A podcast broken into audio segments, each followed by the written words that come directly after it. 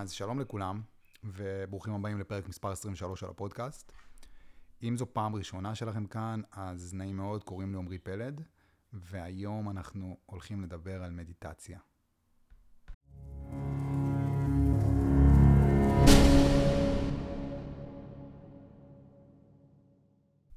אז ברוכים הבאים לפרק של היום, ומה שאני מנסה לעשות פה בעצם זה כל שבוע לבחור נושא אחר, ואני מנסה להסתכל עליו מפרספקטיבה טיפה שונה. ובתקופה האחרונה יותר ויותר אנשים שואלים אותי על מדיטציה, ואיך מתחילים, ולמה להתחיל, ואם זה בכלל מתאים לכולם. ואני רוצה לצלול לנושא הזה מהנקודת מבט שלי, ולמען האמת, גם אליי מדיטציה הגיעה לפני חמש שנים בערך, דרך פודקאסט, ומאז אני מתרגל על בסיס יומי. ואם בן אדם אחד שישמע את הפרק הזה, יתחיל לעשות מדיטציה ובאמת יתמיד בזה, תשלח לי בבקשה מייל עוד חמש שנים, כי... ותגיד לי, ותספר לי על הדרך שלך, כי מי שלוקח את זה באמת ברצינות, הדבר הזה משנה חיים. ולפני חודש חזרתי מקורס ויפאסנה, השני שלי, שזה בעצם עשרה ימים של ניתוק מוחלט והתבוננות. מה שאנשים בדרך כלל מכנים סדנת שתיקה. ובאמת לא, לא מדברים שם, אבל שתיקה, השתיקה עצמה היא לא המטרה. נוסעים לשם כדי ללמוד טכניקה ספציפית של מדיטציה שנקראת ויפאסנה, וזה, וזה תהליך מדהים של השלמה ושל התקרבות פנימה, וזו בעצם המטרה של מדיטציה. ובפרק של היום אני רוצה לנסות להסביר מה אני מצאתי בתרגול הזה, וזה גם לא רק המדיטציה עצמה, זה כל הקונספט הזה של להתחיל לחיות חיים עם יותר מודעות לעולם הפנימי שלנו. כי אנחנו רגילים לחפש את המשמעות של החיים ואת התשובות לכל השאלות שלנו בחוץ. ואני רוצה להתחיל קצת עם נתונים, כדי שנבין על מה כל הסיפור פה. אז לפי מחקרים, ואני שונא לדבר על מחקרים ועל סטטיסטיקות ועל מספרים, כי זה פשוט לא איך שאני חושב, אבל לפי מחקרים, כמעט 50% מהזמן שאנחנו ערים, אנחנו נמצאים בתוך מצב שנקרא נדידת מחשבות. באנגלית זה נקרא mind wandering, שזו בעצם דרך יפה להגיד שאנחנו חושבים בלי שאנחנו יודעים שאנחנו חושבים. בכל פעולה אוטומטית שאנחנו עושים, אם זה נהיגה או אכילה, או כשאנחנו מצחצחים שיניים, או כל דבר שלא באמת דורש מאיתנו ריכוז, כמו שטיפת כלים נגיד, הראש שלנו מתחיל לרוץ לדאגות של החיים שלנו. אני מספיק מוכן לפגישה מחר בבוקר, איך היה הדייט אתמול, כמה זמן לא דיברתי עם סבא וסבתא, למה עדיין לא התפטרתי מהעבודה. המוח שלנו נמצא בסטרים בלתי פוסק של מחשבות. כמעט 50% מהזמן שאנחנו ערים, אנחנו לא נמצאים כאן, ברגע, בהווה. אנחנו או בעבר או בעתיד. וזה בעצם אומר שאם נחיה עד גיל 100, ועכשיו מגיעה הפרספקטיבה האמיתית, אם נחיה עד גיל 100, כמעט 50 שנה מהחיים שלנו לא היינו נוכחים. עכשיו, בואו נעזוב רגע את המספרים. מה זה באמת אומר? במקרה הטוב, זה פוגע לנו במצב רוח ובתחושת העושר הבסיסית שלנו. ובמקרה הרע זה גם יכול להוביל לחרדות ותסביכים ודיכאונות אפילו. וזו בעיה של כולם, זו בעיה אוניברסלית. אנחנו מעבירים את כל החיים במחשבות. אנחנו בעצם חושבים בלי שאנחנו יודעים שאנחנו חושבים.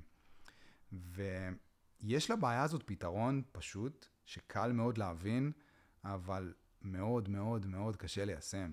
וזו בדיוק הסיבה שכל מי שמאזין עכשיו לפרק הזה, ו- ויצא לו להתנסות במדיטציה, ואני יודע שיש פה אנשים שיצא להם, לא הצליח להתמיד, ולא באמת הבין. כי מה שבדרך כלל קורה זה שאנשי המערב, אנחנו מנסים לעשות מדיטציה לאיזה שבע דקות, לא מרגישים שהשתנו לנו החיים, ומפסיקים. כי אנחנו בטוחים שזה לא בשבילנו. כי המוח שלי רץ מהר מדי, ויש לי יותר מדי מחשבות, וזה לא בשבילי. ובדיוק בגלל הדברים האלה, דווקא אנחנו חייבים לעשות מדיטציה. כי מדיטציה עוזרת לנו לעשות סדר בכל המחשבות האלה.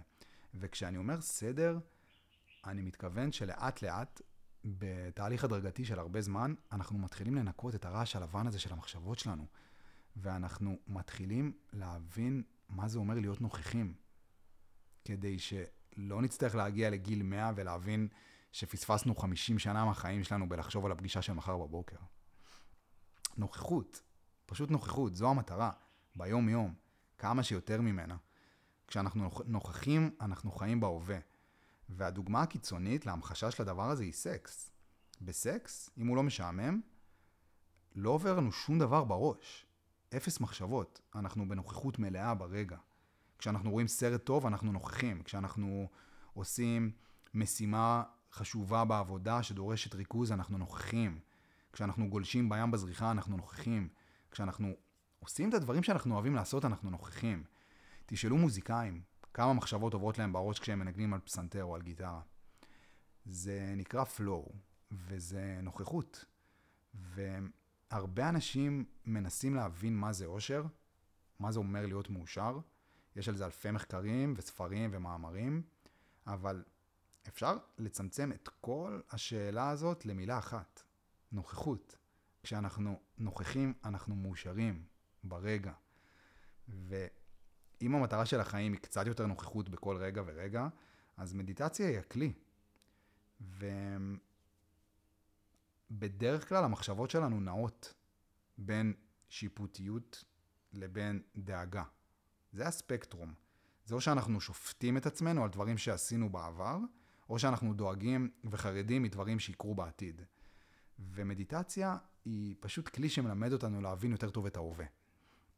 ואולי דרך הסיפור שלי אני אצליח לקרב אתכם לזה. אני התחלתי לעשות מדיטציה ב-2018, אחרי ששמעתי על זה בפודקאסט של סם אריס. הייתי אז בחברה מהלימודים, תפסה אותי מחוץ לספרייה, ואמרה לי שהתחילה מדיטציה באיזו אפליקציה של אופרה ווינפרי. אז הורדתי את האפליקציה, ובמשך שבועיים כל בוקר עשיתי מדיטציה במשך 20 דקות. וכמובן שלא היה לי מושג מה אני עושה. אבל אחרי שבועיים רצוף, שכל בוקר לא ויתרתי ועשיתי את זה, כל פעם מחדש, למרות שלא באמת ידעתי מה התועלת, ו... והאמת שהרגשתי שאני מבזבז את הזמן שלי בהתחלה, אבל המשכתי, כי רציתי להמשיך ולתת לזה צ'אנס אמיתי, ואחרי שבועיים קיבלתי כאפה. תוך שבועיים מרגישים את זה, שזה הקטע הכי גזור בכל הדבר הזה. אם מקפידים באמת ועושים את זה כמו שצריך, תוך שבועיים מרגישים את זה. תוך שבועיים מתחילים להרגיש את השינוי. פתאום התחלתי להרגיש שהמוח שלי צמא למידע. הפסקתי לשמוע גלגלצ. בדרך ללימודים, באוטו, וכל מה שעשיתי זה פשוט שמתי יוטיובים על פיזיקה ועל המפץ הגדול ועל פילוסופיה ועל איינשטיין, ואני זוכר שכל שנייה פנויה שהייתה לי, פשוט הייתי שם אוזניות ומקשיב לפודקאסט. שם התחלתי להקשיב לפודקאסטים, בתקופה הזאת שהתחלתי מדיטציה. המוח שלי פתאום מבין שהוא צמא למידע. הרגשתי שאני מתחיל לראות את המחשבות שלי. הצלחתי לראות אותן. פתאום אני כזה מצליח לראות שמגיעה המחשבה, אני מצליח לעזוב אותה, וממשיך לקרוא ספר, וממשיך לראות את הסרט. התחלתי לראות סרטים שכבר ראיתי פעם, והייתי מבין אותם בצורה אחרת לגמרי, כי פתאום הייתי נוכח בהם. ופתאום התחלתי פשוט להרגיש את הנוכחות הזאת שכולם מדברים עליה. וכל זה רק אחרי שבועיים של תרגול. והמשכתי, כי זה הדליק אותי.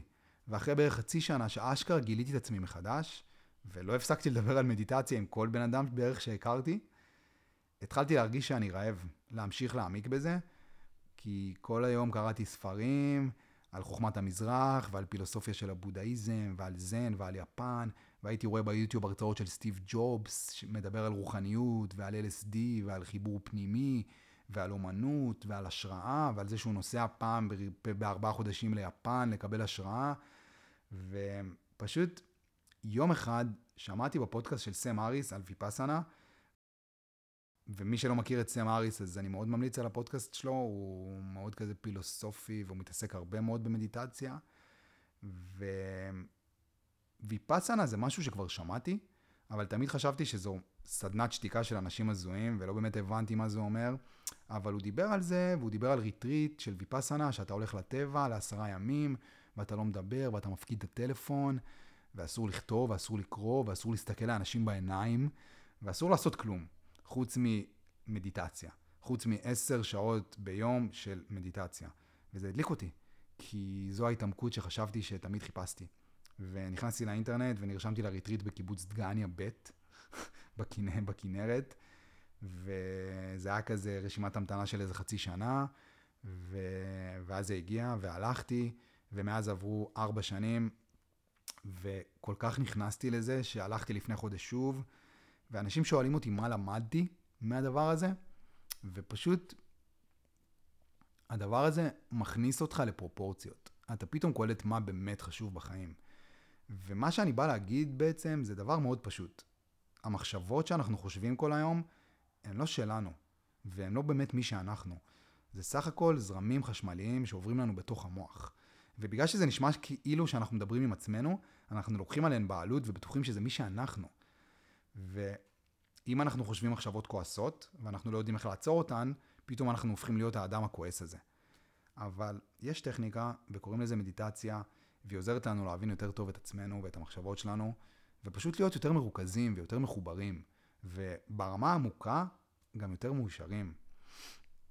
ובהרבה מובנים מדיטציה דומה לספורט. אנחנו יודעים שלעשות ספורט זה משהו חיובי, ובאמת שכולם היום מתאמנים במשהו, ומדיטציה זה פשוט אימון למוח. זה עושה אותנו יותר חכמים ויותר שקטים ביום-יום. זה הרי כבר כל כך ברור שכל הסבל שלנו בחיים יושב שם, בתוך המחשבות שלנו. אנחנו מספרים לעצמנו סיפור בתוך הראש. אנחנו כל היום מסתובבים עם סיפורים בתוך הראש, ואנחנו סובלים מזה. כל החרדות שלנו והחרטה והשיפוטיות, זה פשוט סטרים של מחשבות שאנחנו פשוט חיים איתו, ואנחנו בטוחים שזו גזירת גורל, ושאין דרך לטפל בזה. ואנחנו ממשיכים לחפש את האושר בחוץ, ואנחנו בטוחים שהאושר נמצא מעבר לפינה, שהוא נמצא בקידום הבא שלנו בעבודה. או ב... אם נהיה, או אם נהיה מצטייני דיקן, אז נהיה מאושרים. או אם נקנה את המכונית החדשה הזאת, אנחנו נהיה מאושרים. או אם נקנה את הסניקרס הזה, אנחנו נהיה מאושרים. ואנחנו מגיעים לדברים האלה, ואנחנו באמת מבסוטים לכמה דקות. אבל אז אנחנו כבר מתחילים לחשוב על הדבר הבא. ואני חושב שהגיע הזמן להתחיל להסתכל ממקום שעונה על אושר, ולהבין שהוא לא יגיע מבחוץ בחיים. זה פשוט לא הדרך שאושר מגיע. וכל התרבות שלנו, וכל העולם שלנו בעצם מנסה למכור לנו כל הזמן שהאושר שלנו יגיע מבחוץ, אבל הוא פשוט יושב בפנים, בתוך הסדר של המחשבות שלנו. ואני רוצה לסכם את הפרק, ולסכם אותו בשאלה, ובעצם לשאול למה בכלל לעשות מדיטציה. ולא חסרים תכנים על מדיטציה, ולאחרונה אנחנו שומעים על זה יותר ויותר, וזה הפך להיות חלק משמעותי בדיבור. אז כמעט 50% מהזמן אנחנו חושבים בלי שאנחנו שמים לב שאנחנו חושבים. וקוראים לזה נדידת מחשבות. אנחנו בעצם תקועים בסטרים של מחשבות על העבר ועל העתיד, ואנחנו פשוט מפספסים את מה שאנחנו עושים כרגע בהווה, ברגע שאנחנו נמצאים בו. אנחנו אף פעם לא באמת נוכחים במציאות של החיים שלנו. אנחנו חיים איפשהו בין חרטה על העבר וחרדה מהעתיד. ומדיטציה נכנסת בדיוק שם. הקונספט הוא כזה, אם אנחנו רוצים להבין יותר טוב את עצמנו ואת האופי של המחשבות שלנו, אנחנו פשוט צריכים לשבת ולהסתכל עליהן. ברמה הכי מופשטת, מדיטציה, זה פשוט כלי להבין את עצמנו. בעצם, מה שאני מנסה להגיד פה, במילים אחרות, זה שיש קשר ישיר בין לשבת 15 דקות ביום במדיטציה, לבין להבין יותר טוב את האופי של המחשבות שלנו. ויש קשר ישיר בין להבין יותר טוב את האופי של המחשבות שלנו, לבין להיות יותר מאושרים בכל רגע ורגע בחיים. ובסוף היום, מה שקובע מה יהיה מצב הרוח שלנו, זה הנרטיב של המחשבות שלנו. ולכולנו יש גם וגם. גם מחשבות טורדניות וגם מחשבות חיוביות. גם מחשבות אופטימיות וגם מחשבות פסימיות. ודרך התרגול אנחנו מתחילים להבין יותר טוב את המחשבות של עצמנו ואיך אנחנו יכולים להתחיל לתמרן אותן לטובתנו. אנחנו יכולים לראות בצורה די ברורה ובלי תיווכים שאנחנו פשוט תקועים בסטרים של מחשבות שליליות, וזה משפיע באופן ישיר על המצב רוח שלנו. קינה ופחד וגרידיות, ומצד שני, כשאנחנו בדפוס חיובי של מחשבות, אנחנו מרגישים יותר מאושרים, אנחנו מרגישים יותר שלווים. וברור שזה לא קורה ישר, ההבנה הזאת לא מגיעה בשעה הראשונה שאנחנו עושים מדיטציה, אף אחד פה הוא לא בודה. וגם לבודה לקח כמה שנים טובות להבין את זה. זה תהליך, וזה כל יום. אבל זה התהליך שמתחיל את ההתקרבות האמיתית שלנו לעצמנו.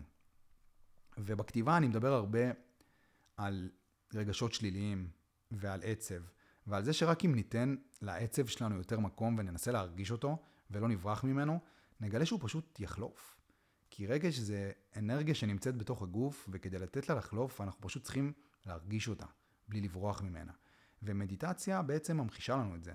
כי תוך כדי התרגול אנחנו מבינים כמה המחשבות שלנו וכמה הרגשות שלנו הם זמניים. אפילו תחושות לא נעימות בגוף. אם רק נהיה איתן מספיק זמן, הן יחלפו. אנחנו בטוחים שהמחשבות שלנו קבועות, והן מי שאנחנו. אבל, ואם הן שליליות ופסימיות, אז נדפקנו, כי זה אומר שאנחנו אנשים שליליים ופסימיים. אבל תוך כדי התרגול אנחנו מבינים שזה בולשיט. ועצם זה שאנחנו מבינים את האופי המשתנה של המחשבות שלנו, זה מה שגורם לנו לאבד את האחיזה ואת ההזדהות איתן. וכעס למשל זה רגש, אבל כמה זמן לדעתכם אני אמשיך לכעוס אם אני אצליח לעצור את המחשבות שבגללן אני כועס? נניח שאני חושב עכשיו על ויכוח שהרגע היה לי בעבודה, ואני לא מודע לזה שאני חושב, כי אנחנו אף פעם לא מודעים לזה, אז אני בעצם מזדהה עם המחשבות האלה שבגללן אני כועס. ורוב האנשים שאף פעם לא שמעו על מדיטציה, יכולים עכשיו להסתובב עם המחשבות האלה ימים, ואפילו שבועות, ופשוט לכעוס. ואז הם הופכים להיות האנשים הכועסים האלה, שכולם מכירים מהמשרד. וזה תהליך שהולך ומזין את עצמו. מחשבה ועוד מחשבה, והרגש פשוט ממשיך להתבטא פיזיולוגית בגוף. אבל בגלל ששמעתי את הפודקאסט והתחלתי לתרגל מדיטציה, עכשיו אני יודע להבחין במחשבות של עצמי. ואני יודע לראות שאני תקוע בסטרים של מחשבות של כעס. אני פשוט רואה את זה, ואני יודע לעצור את זה. ואז קורה דבר מדהים. בגלל שאין מחשבה שמזינה את התגובה הפיזיולוגית של הכעס בגוף, אז התגובה פשוט מתחילה לחלוף. אחרי כמה דקות, אפילו כמה שניות, כאילו, וזה כל ההבדל. פתאום אנחנו לא האנשים הכועסים האלה, רק הצלחנו להבין את המחשבות שלנו. ואם מישהו הגיע עד לפה ובאמת מעניין אותו להתחיל לעשות מדיטציה ולא יודע איך, אז קודם כל יש מלא אפליקציות. יש את Headspace, שזו האפליקציה הכי בסיסית, והיא מעולה להתחלה, אבל האפליקציה שאני הכי ממליץ עליה, זה, זו אפליקציה שנקראת Waking Up של סם אריס, וזה פשוט כל בוקר לשים אוזניות ובמשך 15 דקות להתחיל לעשות מדיטציה. ודברו איתי על זה חופשי באינסטגרם, תשאלו כל מה שבא לכם, ו... ויאללה, בואו נתחיל לעשות מדיטציה. וזהו, אני מקווה שנהניתם מהפרק הזה, והפקתם ממנו משהו, ואם כן, אני אשמח אם תשתפו אותו, ואם תיכנסו אפילו לספוטיפיי או לאפל, איפה שאתם שומעים, ותעשו, ותירשמו לערוץ, ו... וזהו, אנחנו נתראה בפרק הבא.